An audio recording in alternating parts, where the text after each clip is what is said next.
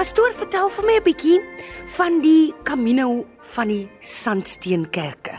Hierdie hierdie is 'n unieke unieke storie. Uh die begin van die Camino van die Sandsteenkerke.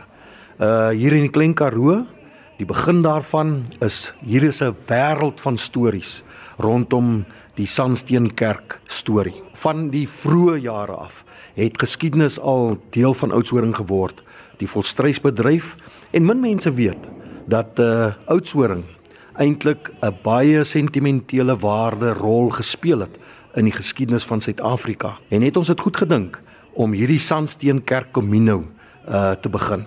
Nou die Sandsteenkerk Camino, die oomblik as 'n mens die woord Camino hoor, dan hoor jy 'n uh, staproete, mense wat stap deur die natuur en 'n belewenis het.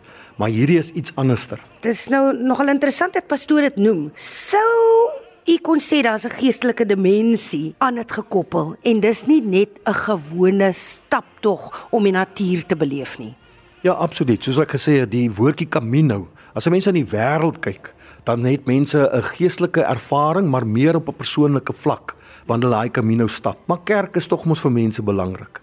En die kerkgeskiedenis, so die eie storie wat jy het rondom jouself en jou geestelike waarde is iets wat in hierdie Camino vasgevang word.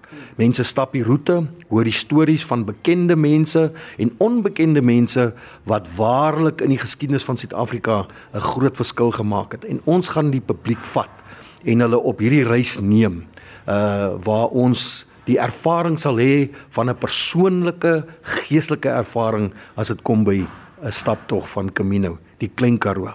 Vertel ons 'n bietjie meer van die staproete self. Hoe het julle dit beplan? Waar gaan die mense oral aandoen? Ja, die eerste een gaan ons per bus doen. Die rede vir dit is ons gaan tydens die Camino wat hier in die Klein Karoo gaan plaasvind, gaan ons ook 'n dokumentêr skiet wat uh, as 'n televisieprogram uh, deel sal vorm sodat mense ook fisies kan sien wat hierdie geskiedenis. Hier is ryke stories en geskiedenis rondom dit. So ons gaan begin in Mosselbaai, uh, wat ons dan die mense uh, sal bring tot by Oudtshoorn en van Oudtshoorn af gaan ons na Duiselsdorp toe. Duiselsdorp is 'n klein dorpie aan die kant van Oudtshoorn, maar dit word in die geskiedenis gesê dis een van die armste gebiede waar mense bly. Maar in daardie gebied is daar 'n storie wat uh, deur die Katolieke Kerk is daar 'n sendingstasie daar en die storie agter hierdie is iets wat die mens nie moet mis nie. En ons wil hierdie waardes voordat dit verlore gaan, gaan ons dit optel en vir die mense uh die storie vertel. Daarna kom ons terug Oudtshoorn toe.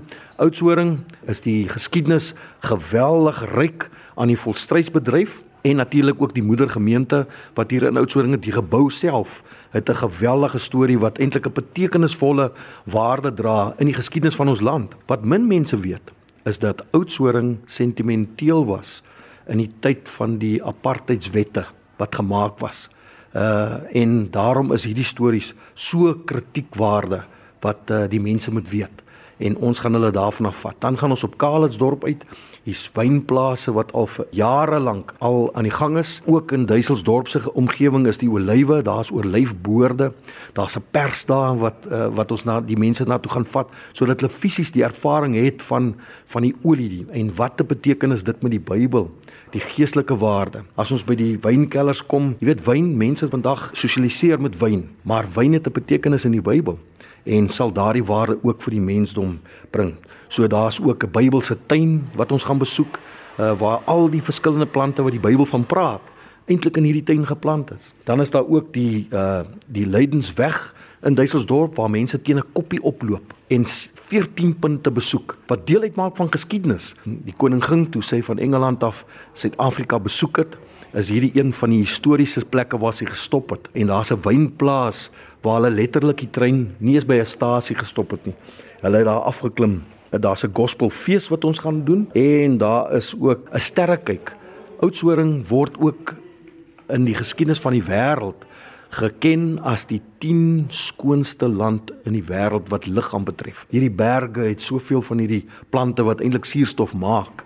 Uh en het hulle nou net so rukkie terug het hulle dit was dit fisies in die nuus gewees dat die skoonste lug hier in Oudtshoorn eintlik in ons land is dit definitief hier waar jy dit kan ontdek. Nou die sterrestelsel, die berge, die donkerheid wat kom wanneer die son sak As jy dit nou weer in die nag kyk, so ons gaan die mense die sterre wys en weet ook dat selfs dit 'n groot betekenis vir hulle sal hê. En dan sluit ons ook die toer af in Kalitsdorp by 'n wynkelder om vir die mensdom te wys hoe wyn geproduseer word, maar die konnektasie dat in die Bybel hulle wyn gebruik het uh om nagmaal te hê. Twee soorte wyn en ons gaan dit ook vir die mense wys en dan gaan ons dan 'n nagmaal saam gebruik en dit sal vir die mensdom uh iets waarlik beteken. Hierdie is nie net gefokus op Oudtshoorn nie, daar is sulke roetes reg deur die land en ons het reeds hierdie roetes bepaal.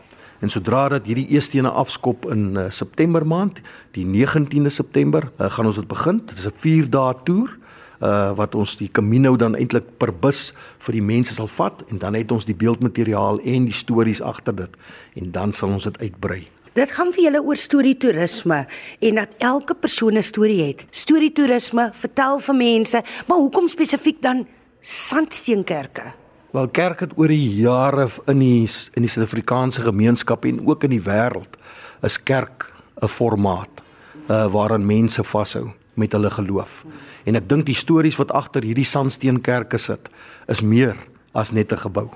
Daar word stories vertel hoe hoe die geloof van mense verander het en wat se impak dit gehad het. Soos ek gesê het in die begin, dat selfs Oudtshoorn so gefokus is op die geskiedenis van ons land en min mense weet dit eintlik dat van die apartheidswette van die tyd hier geformuleer was in Oudtshoorn. Nou, jy weet, nou kyk 'n mens miskien negatief daarna, maar dit het stories ontwikkel waar mense in hierdie omgewing dinge deurgemaak het wat vandag die land nog steeds beïnvloed die volstrysbedryf van een. As ons kyk na die Joodse gemeenskap, hierdie was die volstrys Mekka in die wêreld.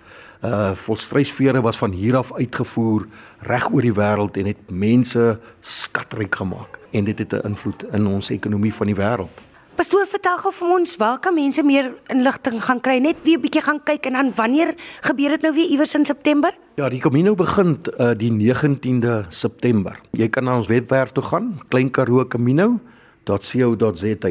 Daar gaan jy al die inligting kry. Ons wil graag hê dat die Jan Alleman ook die geleentheid het om so 'n Camino mee te maak en dan sal dit vir hulle die betekenis bring. En ons weet dat hierdie eerste ene gaan so 'n impak maak in ons gemeenskap landwyd dat mense sal stroom na Oudtshoorn. Nou Oudtshoorn het 'n profetiese woord uh wat min mense eintlik weet dat die Here het gesê dat hy in hierdie dorp iets sal begin wat die wêreld sal skud. En ons weet dat hierdie Sandsteen Camino Kerk toer is een van hulle. En hier in hierdie hierdie streek, die Klein Karoo, lê die waardes van stories. Uh om jouself te ontdek en dit wat jy moet beteken in jou geestelike waarde is in hierdie Sandsteen Camino vir jou vasgelê. Dit gaan 'n ervaring wees wat mense vir jare nog sal vertel en weet dat as jy hierdie storie gehoor het, sal jy dit ook graag wil meemaak. Wanneer ons by die einde kom van hierdie Camino, een van dit is 'n besienswaardigheid by die Katolieke Kathedraal wat hier in Oudtshoorn is en het sopas net so rukkie terug uh, 'n nuwe klokstelsel geïnstalleer. En daardie klokke spel, dit raak sommer jou hart se snare en laat jou dink aan die geestelike waardes.